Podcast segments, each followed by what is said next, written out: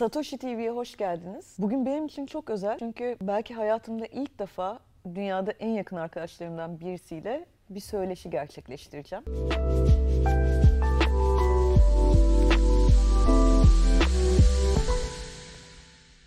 Lütfen korkmayın ama şöyle bir durum söz konusu. Normalde bu kıymetli arkadaşım Ali Işıngöl'le biz yan yana geldiğimizde herkes yanımızdan bir süre sonra kaçar. Çünkü biz öyle bir muhabbete dalarız ki ya hangi konuyu konuşursak konuşalım bir dehlizin içine gireriz ve konu konuyu açar. Felsefeler, edebiyatlar, sanat tarihleri, astronomiler, çizgi roman ki birlikte ders vermiştik. Dolayısıyla burada sizi yormayacağımızı ümit ediyorum ama sizler şöyle bir şeye tanıklık edeceksiniz. Biz bir konuyu ele aldığımızda nasıl konuşuyoruz ve ne konuşacağız bugün? Ee, şimdiye kadar gördüğünüz üzere Satoshi TV'de bir filozofu ele alarak onun felsefesini hayatıyla birlikte anlatmaya çalışıyorum ve kendi analizlerimi yapıyorum. Ama burada sevgili arkadaşım Ali ile Machiavelli'yi konuşacağız. Türkiye'de düşünebildiğim en iyi bu konuyu konuşabileceğim arkadaşlarımdan bir tanesi. Zira kendisi de zaten İtalyan e, eğitiminden e, çıkma bir arkadaştır. Dolayısıyla öyle bir hasarım var. öyle bir hasar vardır. O yılların Latince eğitiminin hasarını vücut buluş görüyoruz burada.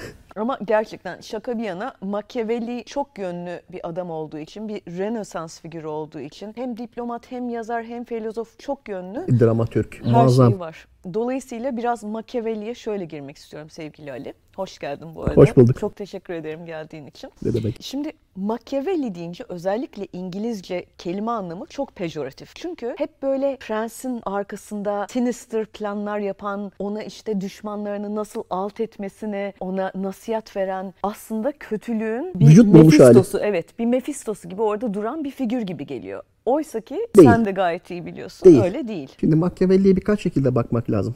Şimdi Machiavelli evet siyaset biliminin dünyada modern siyaset bilimi başlangıcı kabul edilir. Tabii daha öncesine var baktığın zaman. Yani Doğu toplumlarında da Machiavelli gibi hükümdara nasihatler veren adamlar var. Çin'de yani, neler var değil mi? Çin'de Sun Tzu'dan tut herhangi bir üniversitenin kapısında ya da askeriyenin kapısında hani girişine nizamiye denir. Nizamül Mülk'ten gelir. Nizamül Mülk de Selçuklu zamanında yaşamıştır. Siyasetname yazmıştır. Baktığın Çok zaman Şimdi bir Nizamül Mülk'ten girersek Machiavelli tamam, kaçacak yani. Hemen Machiavelli'ye dönüyorum. Yani baktığımız zaman Doğu toplumlarında böyle nasihatnameler yazılmıştır. Ülke nasıl yönetilir? Düşmanlarınız nasıl alt edilir? Machiavelli'nin aslında bunlardan çok bir farkı yok. Aradaki en önemli fark Machiavelli'nin siyaset yani politika ile etik, ahlak birbirinden ayrı alanlar olarak tanımlamış olmasıdır. Yani bir birine alt etmiyor. Değmeyen alanlar. Yani siyaset der ahlak dışı bir alandır. Bir mücadele alanıdır der. Dolayısıyla anything goes durumu var mı yani? Her şey olabilir. Her şey olabilirden çok şöyle anlatayım. Burada adını almadan olmayacak. Hiç unutmuyorum. İtalya Lisesi'nde yani okulumuzun milli sporuydu. Gianni Cianchi diye bir İtalyanca Latince öğretmenimiz vardı. Ben dahil herkesi bütünlemeye bırakırdı. Ben 4 sene bütünlemeye kaldım ve A sınıfında 8 senede bitiren tek Türk erkektim. Hasarımın bir kısmı o.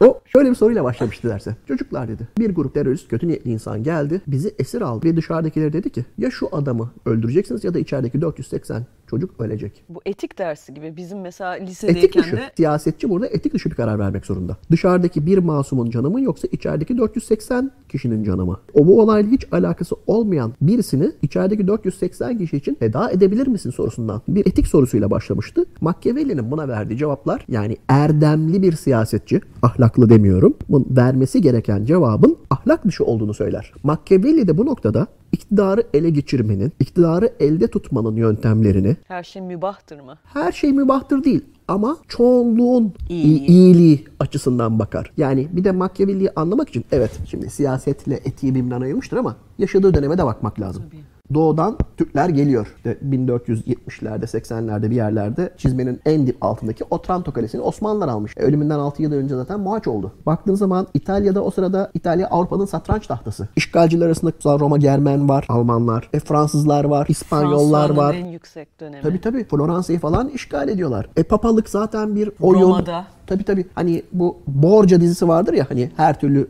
seks, entrika, işte ensest, Ensest. falan çok sansürlenmiş halidir o dizi öyle diyeyim. Ya zaten Lucrezia'yı bir konuşsak değil mi yani? O evet orada da e, figür. saatlerce konuşuruz Lucrezia'yı. Enteresan bir adamdır. Özellikle de hani küçük bir parantez açayım. Vatikan'da Apartamento Borgia'da tavanda Cem Sultan'la karşı karşıyadır baktığın zaman. Çok ilginçtir. Küpeli. Evet Cem Sultan da çok yakışıklı bir adamdır bu arada. Öyle şeyler var ki o dönemde Fransa olsun İtalya'da işte en son o sürgününü yaşarken böyle hani şehir dedikoduları ah işte şunu giydiler birdenbire moda oluyor mesela onun taktığı türban onun giydiği kıyafet. Tabii tabii. Çünkü, çünkü Osmanlılar o dönemde zenginliğin kaynağı baktığı zaman İpek yolunun geldiği yer ve sonuçta İtalya'da zenginleşen şehir devletlerinin bunlar içerisinde Venedik, Floransa, Pisa gibi bir- Cenova. pek çok Cenova tabii ki bunların da hem en büyük ticari partneri hem de rakibi. Dolayısıyla da bir zenginlik figürüyle gidiyor.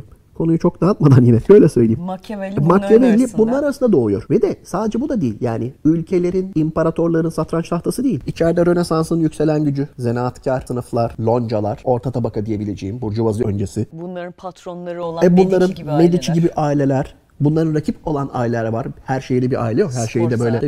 tabii 4-5 tane aile var. E bu aileler aynı zamanda papalık için mücadele ediyorlar. Onların dışında psikoposlar var. Papa var. Yani bu aileler bir kısmı Gibellin, bir kısmı Gerardin olarak ikiye ayrıyorlar. Papalık yanlısı, imparatorluk yanlısı. Bir kısmı daha seküler, bir kısmı dindar bir yönetim şeklini savunuyor. Machiavelli de böyle tenis topu Bunların gibi gidiyor içerisinde mi? yolunu bulmaya çalışan yani şöyle bir şey. İtalya bir ideal olarak, bir ide olarak, bir kültür olarak, bir yarımada olarak binlerce yıldır var Apennin Yarımadası. Ama İtalya birleşmesini 150 yıl önce gerçekleştirebilmiş bir ülke. O dönemde ise İtalya herhalde Viva 80 parça. Tabii Garibaldi. Garibaldi'den tabii baktığın zaman 400 yıl önce yaşıyor. 400 yıl önce İtalya'nın birliğini savunan, İtalya'yı birleştirecek bir güçlü, monarşik, rakiplerini alt edecek bir adamı arıyor baktığımız zaman. Bir nevi sultan figürü gibi değil mi? Evet zaten erdemli bir monarkı savunur. Erdemli, düşmanlarına karşı acımasız, kurnaz, tebaası tarafından sevilen, laik olacak, seküler olacak ama tebaası vatan yurttaşları diyeyim ya da daha yurttaşlık kavramı henüz o zamanlar farklı bir kavramda kullanılıyor. Yurttaşlık kavramı hatta yok. O şehir içinde yaşayan insanların da dini inançlarına uygun gibi yaşayan, tekiye yapan böyle bir adamı tarif eder. Ve bunu tarif ederken de kimi zaman bunu Fransa kralında bulur, François'da. Kimi zaman işte Papa Borgia'nın oğlu Cesare Borgia'da bulur. Il Principe'de bahsettiği bazen de Medici ailesinde bulur. Bazen Medici ailesinin yanında bazen karşısındadır. E, Bazen Medici ailesi onu dövmüş ve mahvetmiş, hapsetmiş. Bazen de yanına çağırmış ve bu kitabın aslında aslında adanmasına sebebiyet olmuş. Aynen öyle. Yeri geliyor Medici ailesi. Onlar da enteresan bir aile. Muazzam bir aile. Yani bugün de Rönesans varsa herhalde çok önemli bir paya sahip. İşte Leonardo'sundan işte Pinturicchio'suna kadar herkesi, Rafael'in Rafael'ine kadar herkese Bir de bak kucak açmış. ressamlardan bahsediyorsun ama kozmolojiyle ilgilenenler de orada. Bilimle ilgilenenler orada. Yazarlar orada. Yani şairlere hepsi yani bütün hepsi iç içe. Tam işte Rönesans dediğimiz çok yönlü Tabii, tabii. bakış. Müthiş bir değişim dönemi. Bir de bunların üstüne düşün ki Amerika kıtası keşfediliyor. Müthiş bir Patlıcanlar geliyor desene.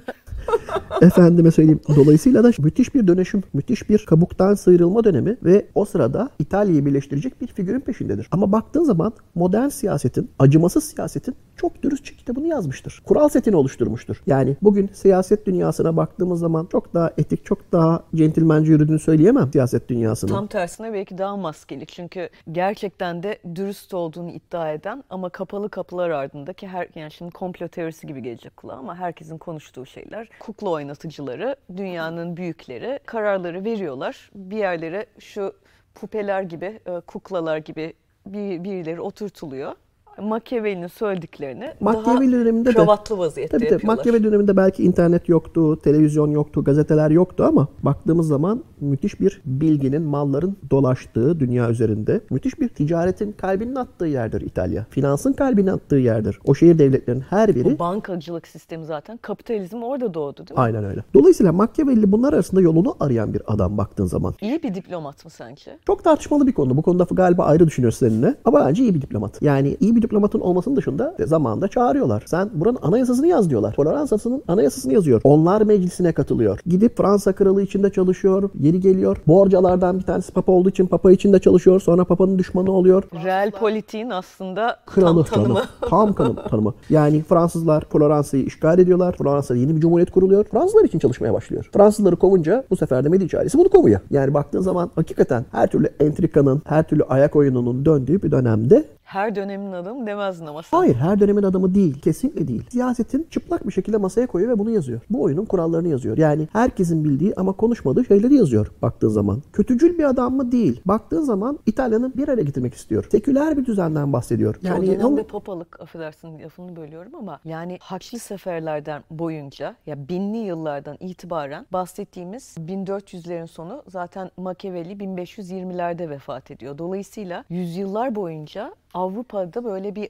altın yumrukla oturan bir güçten bahsediyoruz ve o gücü karşı sekülerizmi savunabilecek nitelikte bir adam ki o da bayağı cesaret ister. Güzel bir şey var. Antonio Gramsci, İtalyan, İtalyan Komünist Partisi'nin, Avrupa Komünizminin kurucularından bir tanesi. Enteresan bir şey söylüyor Machiavelli için. Erken gelmiş Jacoben. Çok güzel bir tanım. Yani baktığı zaman sanki bir Fransız devrinin 3 yıl sonraki bir devrimin bir lideri gibi. Vatandaş diyemeyeceğim çünkü vatandaşlık kavramı biraz daha sonra gelen bir kavram. Ama komünlerin haklarını savunuyor. İtalya yerel yönetim açısından da çok farklı bir ülke. Hep komünler var değil mi? Yani zaten belki o komünler sonuçta ba- bakarsan haritaya bir bütün ülke olarak düşünüyoruz ama aslında komün komün hala komün komün. Şöyle söyleyeyim. Komünlük çok ilginç bir sistem. Roma, İtalya'daki en büyük komün.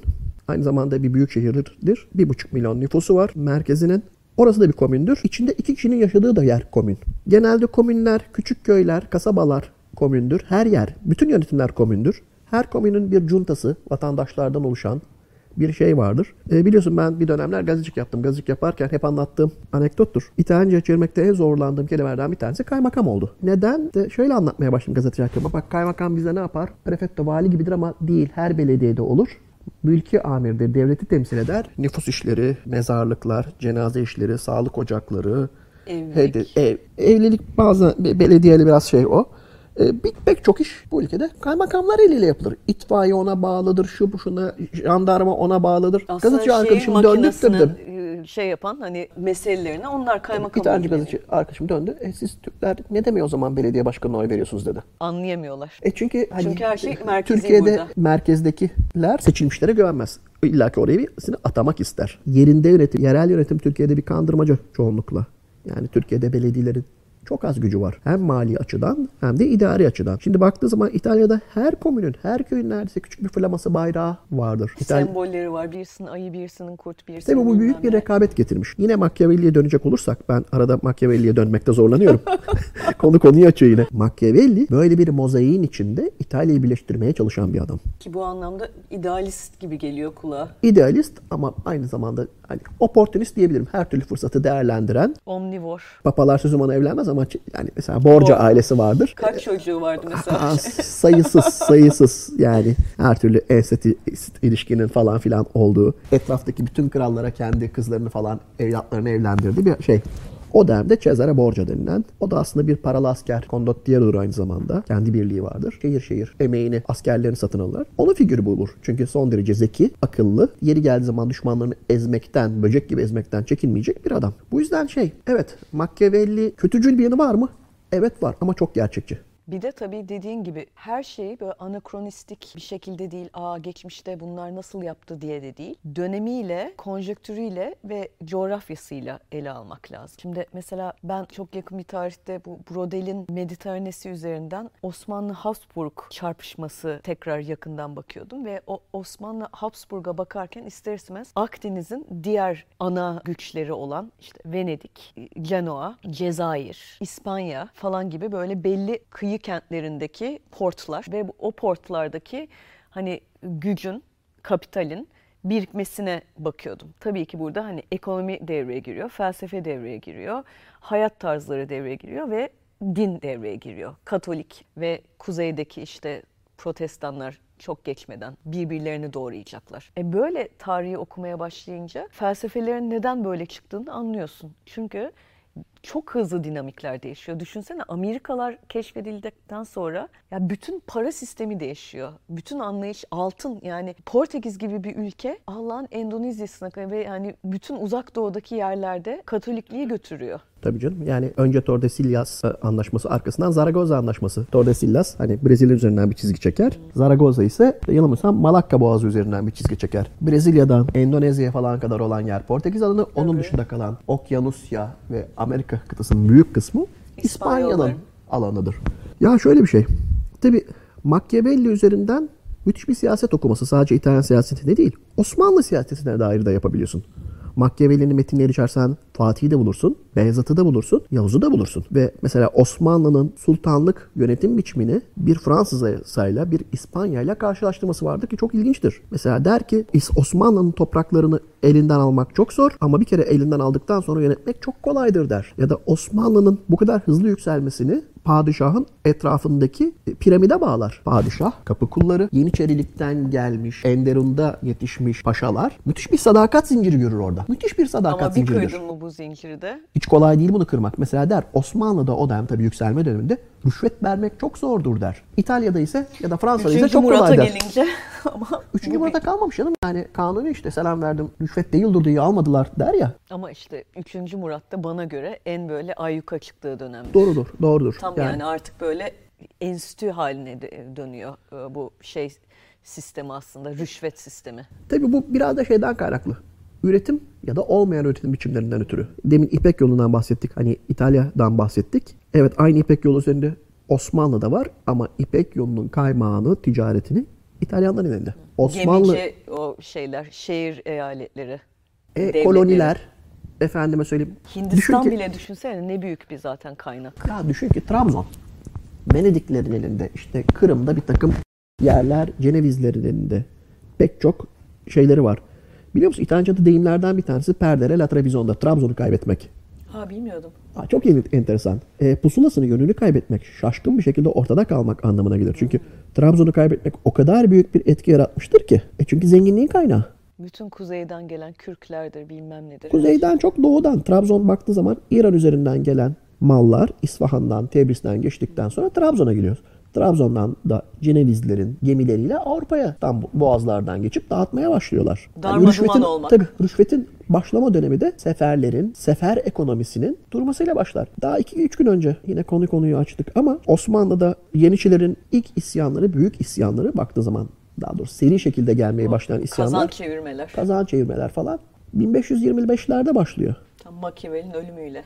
Neden? Çünkü Osmanlı doğal sınırlara neredeyse ulaşmıştır. Sağ olsun Kanuni Macaristan'ı da alıyor. Epey bir soluk kaldırıyor ama seferlerin artık durduğu yerde ekonomi de çatlıyor duruyor. gelmiyor. Rüşvetler başlıyor geçinme derdi olarak. Yeniçeri- Tımarlı sipahi sistemi de sonuçta. Tabii, Ya tabii. şimdi Osmanlı'ya çok girdik. İtalya'ya dönecek olursak mesela şimdi Machiavelli üzerinden bakıyoruz. Bir dediğin gibi bir formüller öneriyor. Nasıl güçlü bir prenslik elde edilir? Nasıl bu elde tutulur değil mi? E, Ve bu formüllere baktığımızda bana göre gördüğümüz en net şey sen dedin ki tabii ki Machiavelli'den önce ama böl ve yönet gibi bir mantalite yani Greklerden belki gelmiş olan ama yani hala gördüğümüz üzere dünyanın dört bir tarafında işe yarayan maalesef çok kötü bir şey ama belli formüller karşımıza çıkıyor. Tabii tabii. Mesela Machiavelli şey der. Machiavelli her ne kadar İtalya'yı birleştirmek için yola çıkan bir adam olsa da mesela işgal edilen bir toprakta farklı dinden ya da farklı etnik gruptan insanları nasıl yönetirsiniz? Birbirine düşürerek. Osmanlı'nın yaptığı gibi diyor. Balkanlara nüfus taşıdı diyor. Aynen bunu söyler mesela Machiavelli. Yani Machiavelli evet bugünün açısından baktığı zaman evil ama o günün için son derece normal olan bir şeyden bahsediyor. İşe Yani- yarayan bir sistem sonuçta. Evet. Bir de çok sevdiğim bir laf var. Hani Shakespeare metinlerinde dijital saat aramamak lazım diye. Machiavelli'ye baktığım zaman da hani bugünkü demokrasi, bugünkü insan hakları penceresinden bakmamak lazım. 1500'lerden tabii canım. Machiavelli bir dönem şehirden kaçıyor. Çünkü Savonarola diye bir adam geliyor. Floransa'yı işgal ediyor yanılmasam. Yeni bir kitap aldım onunla ilgili. Onun o Fransiskandı galiba değil mi o? Çünkü öyle bir saç şeyi var ama bayağı böyle hani Çok acayip bir adam yani. Baktığın zaman şehir meydanlarında hala işte cadıların, insanların, farklı düşünürlerin yakıldığı bir dönemden bahsediyoruz. Yani evet Rönesans ama bir taraftan da Orta Çağ devam ediyor. Yani Orta Çağ'ın kalıntıları devam ediyor. Yenilmesi çok daha sonra oluyor tam anlamıyla. hala yenilmedi bile diyebiliriz aslında ekonomik güç olarak bakacak olursak. Yani o konuda çok katılmıyorum. Yani papalık bugün Ya dünyadaki bir en kalabalık dini grup. lider evet ama gün geçtikçe mesela İtalyan siyasetindeki etkisi azalıyor mesela. Papalık biraz Özellikle- turistik bir yere dönüştü. Ben biliyorsun senin gibi sanat tarihine çok meraklı olduğum için son yıllarda hep böyle İtalyan pavilyonları ve İtalyan sanatçılarına bakınca işte mesela çiş içine yerleştirilmiş crucifixler yani haçlardan tut. Yani müthiş bir tepki var tabii ki. Çünkü yüzyıllar boyunca öyle bir sömürü sistemi ve insanların kanı, Ah, canım. inancı, Tabii, tabii, tabii, tabii. teri üzerine inşa edilmiş bir sistem var ki. İspanya sömürü imparatorlukları İspanyollar, Portekizliler. Bir de Amerikalarda yaptıklarını düşün Tabii tabii. yani korkunç. Baktığın zaman hepsi bunu Katoliklik adına yapıyorlar. Hepsi Loyola bunu din adına yapıyorlar. Tabii. Biliyoruz değil mi? ne Yani papalık oradan komisyonunu alıyor. Yani orada kan ter gözyaşı var. Ama genelde ibadet edenlerin büyük bir kısmında var. Dolayısıyla Machiavelli evet bir diplomat ama yolunu arayan bir adam. Ben bunu çaresizlik olarak değil ama son derece gerçekçi, son derece mekanik bir şekilde bugün adına hani kirli siyaset dediğimiz şeyin kitabını yazmış ve bunu yaparken de ahlaki olmak zorunda değil burası ahlak dışı bir alan demiş. E, müthiş bir kitap yazmış baktığın zaman. Ve bu Ki kitap hala dünyadaki siyaset biliminin belki de temel taşlarından bir tanesi. Kesinlikle öyle. Kesinlikle öyle. Etkilendikleri var, etkiledikleri var. Hegel'e, Marx'a kadar pek çok kişiyi etkilemiştir. E, aydınlanma çağını etkilemiştir. Seküler bakış açısıyla baktığın zaman. Kilise ve devleti ayırma konusunda. Evet. Monarşi kavramına dair ilginç bir tanımlama yapmıştır. Bu nedenle de ilginç bir adamdır Machiavelli. Ne burcuydu? Hemen bakalım. Bak. Yıllardır böyle bir soru almadım. 3 Mayıs'mış. Ne oluyor bilmiyorum artık. Boğa. Bu ama her neyse. Koç olabilir diye bakıyordu. Koç, ben de koç diye düşündüm sizdendir diye. Ya dolayısıyla Allah'ım şey. Machiavelli'yi de bu hale getirdik ya. Ya bu arada tabii Machiavelli aynı zamanda müthiş bir tarih okuyucusu. Müthiş bir tarihçi. Floransa tarihini yazıyor. volüm volüm yazıyor değil mi? Bayağı Evet, böyle. Evet, evet. Historia. İyile Floransa. Toskano dilinde öyleymiş. Tarihteki yönetim biçimlerini yani Medelere kadar gidiyor. İşte Pers imparatorlarının yönetim biçimini, işte Roma'yı, işte Doğu sultanlıklarını hepsini inceliyor. İlginç bir adam. Bunların üstün yanlarını. Hatta Machiavelli'de bazen Doğu'ya karşı bir hayranlık da hissedersin. Özellikle de Osmanlı'ya karşı. Bir taraftan düşmandır. Türkler hakkında kötü şeyler de yazmıştır. Ama yönetim biçimleri hakkında İyisini cımbıl zilp alır, kendilerinin ne işe yarayacağını görür. aslında tarif ettiği şey doğulu bir hükümdardır kimi zaman. Ama işte Ama Batı- kendi mekanizmaları da olan. Mesela şeyi karşılaştırır. Mesela o dönemlerde Fransa'yı çok beğenir. Çünkü evet bir piramit var Fransa kralının etrafında ama der ki kral bir bedel ödemeden asaletlerinde elinden alamayacağı asilzadeler tarafından çevrilmiştir. Ama onlara hükmetmeyi bilir diyor. Çünkü Fransa baktığı zaman Fransa bugünkü Fransa'nın neredeyse üçte ikisine hakim. Yani neredeyse Fransa'yı birleştirmiş bir adamdan bahsediyoruz. Dolayısıyla orada İtalya'nın başında olması gereken bir kralı görür. Güçlü, yumruğunu vuran bir adamı görür. Bana ilginç gelen bu söylediğinde hani doğulu lider Batılılar tarafından gen- genellikle bir despot olarak okunur. Ama tabii erken dönem Osmanlı olduğu için o hani korkunç barbar Türk imgesinden çok yine hani real politikle okuyan bir göz görüyorum ben. Ya şöyle bir şey. Osmanlı'ya nereden baktığına bağlı. Mesela Osmanlı'ya ben baktığım zaman özellikle yükselme döneminde, hele- kuruluş döneminde müthiş bir liyakat sistemi görüyorum. Gidiyor de Ermeni'den mimar çıkartıyor. Balkanlar aralarında çok güzel kavga eder diyor. Onlardan yeniçeri çıkartıyor. Denizci de bugün Barbarossa. Barbarossa tabi Barbaros aslında baktığın zaman Türk Midilli falan köken. Ama baktığın zaman pek çok amiralimiz Kılıç Ali Paşa. Occhiali İtalyandır. Giallo diye adını veren adam Şigalo'dur. Yani e, paşaları Arnavutlardan, Rumlardan alıyor. Onu söyleyecektim. Tam tabii, Arnavut tabii. diye Tabii, tabii. atlayacaktım. Lütfen. Atlamam mı? 29 tane falan vezir var ya Arnavut. Yani saymıştım bir ara şimdi. E çünkü Arnavutlar mücadeleyi biliyor. Savaşçı yani dağ halkı. Müthiş bir liyakat sistemi var Osmanlı'da. Yani Osmanlı'nın zaten adına bugün Türk mutfağı dediğimiz aslında Osmanlı mutfağı müthiş bir sentez. Balığı en iyisinden almış, tatlıyı kimden almış? Doğudan ama Kürt'ten ama Arap'tan müthiş bir et kültürü almış, mezeleri almış. Müthiş bir zenginlik baktığı zaman bugün bir İstanbul meyhanesine ya da restorana gittiğin zaman aslında karşında duran şey bir imparatorluk mutfağı. Geçenlerde bir liste yayınlandı. Bir çok güvenilir bir gurme bilmem bir araştırması yapılmış. Dünyanın en iyi Aa, o listelere çok inanmamak lazım. Ben orada Vedat Milor'cuyum yani. Vedat Milor da şey diyor, o listelere güvenmemek lazım. Kim Hayır, yapmış o araştırmayı? yani hepsi yani hepsinin ortak noktası hepsi bir imparatorluğun Tabii. mutfakları. Tabii, tabii, Yani tabii. Kesinlikle. Hani Japonlara bakıyorsun gerçekten inanılmaz bir e, kültür ve arkasında bir mutfak. Çinlere keza bakıyorsun, Hintlere bakıyorsun, Türklere, Osmanlılara bakıyorsun. Hepsi gerçekten yüzyıllar boyunca çok dinli, çok dilli imparatorlukların ürünleri. Tabii. Ve herkesten olabildiğince en iyisini almış baktığın zaman. Yani bugün biraz tebessümle izliyorum. Kokoreç Türk müdür değil midir? Kokoreç Yunan, Yunanlarda. İşte pilaki Türk müdür değil midir? Dolmaki Türk müdür değil midir? Ya da Yunan yemeği midir? Baklava Türk müdür Yunan mıdır? Cacuki, Zaziki. Zaziki. Zaziki. Cacık Türk müdür Yunan mıdır? Çok bir önemi yok. Aslında Üsküdar'a giderken nerenin şarkısıdır? Ya da yani işte şarkıların bile aslında sonuçta böyle büyük imparatorluklarda nereden çıktığı, neye evrildiği bulunamaz. Dolayısıyla şey bir liyakatı orada şeyde de görüyor. Osmanlı'da da görüyor bir liyakat düzenini Machiavelli. Tabi despot ama mesela kontrol mekanizmaları Osmanlı'da yok. Fransa'da var. Fransa'da bir takım danışma meclisleri var. Bilmem ne kurullar var. Kafasına eseni yapamıyor. Yani Osmanlı'da şey, hatta verdiği örnek şudur. Osmanlı'da bir padişah sadrazamının boynunu vurduğunda kimseye hesap vermek zorunda değildir der. Fransa'da öyle Halk değil. ayaklanmaz. Evet. Gerçi yani en fazla darbe olmuş ülkelerden de bir tanesiyiz. Asker ayaklanır. Asker ayaklanır. Askerin ayaklanması tabii yine ekonomiyle alakalı. Niye sefere çıkmıyoruz? Niye padişahımız işte bize ulufe dağıtmadı, yeterince dağıtmadı? Niye gümüşün değeri Düştü. düşürüldü? Gibi nedenlerle çıkıyor. Yani bir toplumsal nedeni yok baktığı zaman. Ayaklanma nedeni Bazen yok. de bir işte istediği adam olmadığı için. Ha, tabii onlar da var ama baktığın zaman toplumsal bir mücadelenin bir parçası olarak asker ayaklanması ya da bir ayaklanma çıkmıyor. Doğru. Baktığı zaman Avrupa'da işte demokrasi şeyimiz de öyle. İçselleştirmemiz. E çünkü şey Avrupa hani adına hümanizm, arkasından Rönesans, arkasından aydınlanma, illüminizm, arkasından sanayi devrimi, arkasından dünya savaşları dediğimiz süreçleri her ne kadar sonuncusuna da bir yerinden katılmış olsak Gutenberg da devrimi. e, matbaa devrimi falan ciddi bir takım bedeller ödüyor. Yani e, demokrasi için ciddi bedeller ödüyorlar. Bizde Binlerce demokrasi yani 30 yıl savaşları olsun, başka savaşları olsun. Yani böyle işte demokrasi oluk oluk demeyelim ama kan tabii demokrasiye giden yolda de güçlerin arasında işte müthiş kavgalar çıkıyor. Müthiş savaşlar çıkıyor. Doğu'nun şanssızlığı bizim 11. yüzyıldan sonra bu dinamiklerden de tutma, içinde barındırmıyor olmamız. Katılırım. Yani 11. yüzyıl benim için enteresan bir başka çağdır. Yine konu konuyu açtık. İslam'ın çok yukarıda olduğu bir dönemdir. Endülüsler, bilmem neler, Selçuklular, Evet, İran'daki medeniyetler. Bu programda da Aristolar vesaire Tabii, onların çevirisiyle kalmıştır. Tabii tabii tabii müthiştir. Sıfırsız matematik olabilir mi? Değil mi? İşte İbn Sina'lar, Averroe, İbn Rüşd'ler pek çok üniversitede şu an İtalya'da girersin. Onların büstlerini görürsün çünkü Matematik, tıp, matematiktir, geometri, coğrafya. kozmoloji e, bunların pek çok şeyi doğudan geliyor. Orta çağın karanlığının yırtılmasında çok önemli roller oynuyorlar. Tabii Machiavelli böyle bir dünyada.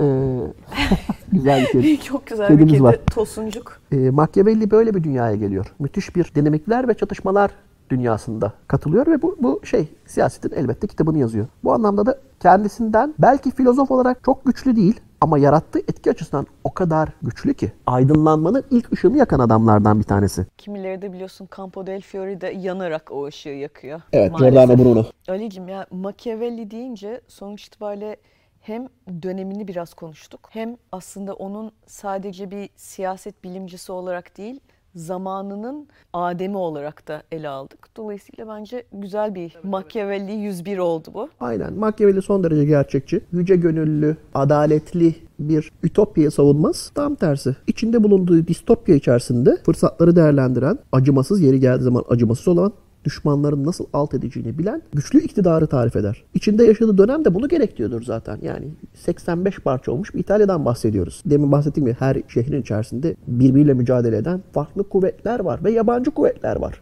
Bir de İtalya içinde. Evet, dünyanın de- değişik yerlerinden gelmiş, oraya koğuşlanmış, Dolayısıyla şey, kalmış. bir ütopik sosyalist değildir Ma- Machiavelli.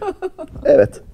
Son derece gerçekçi, son derece mekanik, çıplak bir şekilde içinde bulunduğu dünyayı kendi distopyası içerisinde yani orta çağdan tam çıkamamış, bölünmüş bir İtalya içerisinde güçlü bir figür arar. Bu yüzden de kimi zaman farklı efendilere hizmet eden bir adamdır. Ve kendisinden sonra çok kişi etkilemiştir. Siyasetin, oyununun kuralları daha net bir şekilde Koyulmuş. koyulmuştur ortaya. Bence harika betimledin. Bu arada size bir şey paylaşmak istiyorum. Bana periyodik olarak hatta sıkça de keşke sizin arkadaş meclislerinde olsaydık, keşke sizle arkadaş olabilseydik diye çok şeker, çok da beni duygulandıran mesajlar, mailler geliyor. Sağ olunuz. Yani neye bulaştığınızı görüyorsunuz. Bizim arkadaşlık meclislerimiz aynen böyle oluyor. Çok da mutluyum. Çünkü böyle güzel arkadaşlarım var. Biz genellikle gerçekten bir araya geldiğimizde konu konuyu tıpkı şimdi olduğu gibi böyle açıyor. Ama biz bugün birazcık daha tabii ki burada olduğumuz için, stüdyoda Machiavelli'yi konuşmak üzere buluştuğumuz için haliyle daha konumuza sadık kaldık, kalmaya çalıştık. Arada tabii ki labirentlere de daldık Yine çıktık çok ama, acayip labirentlere daldık. Yine ama konuyu dağıttık. söyleşinin de keyfi öyle çıkıyor zaten. Çok teşekkür ederim. Rica ederim. Ne demek, benim için keyifti. varsın. Bugün Machiavelli'yi konuştuk. Umarım size de ilham vermişizdir. Yeni okumalara, yeni keşiflere bir perde açmışızdır. Görüşmek üzere. Görüşürüz. Hoşçakalın. Görüşürüz.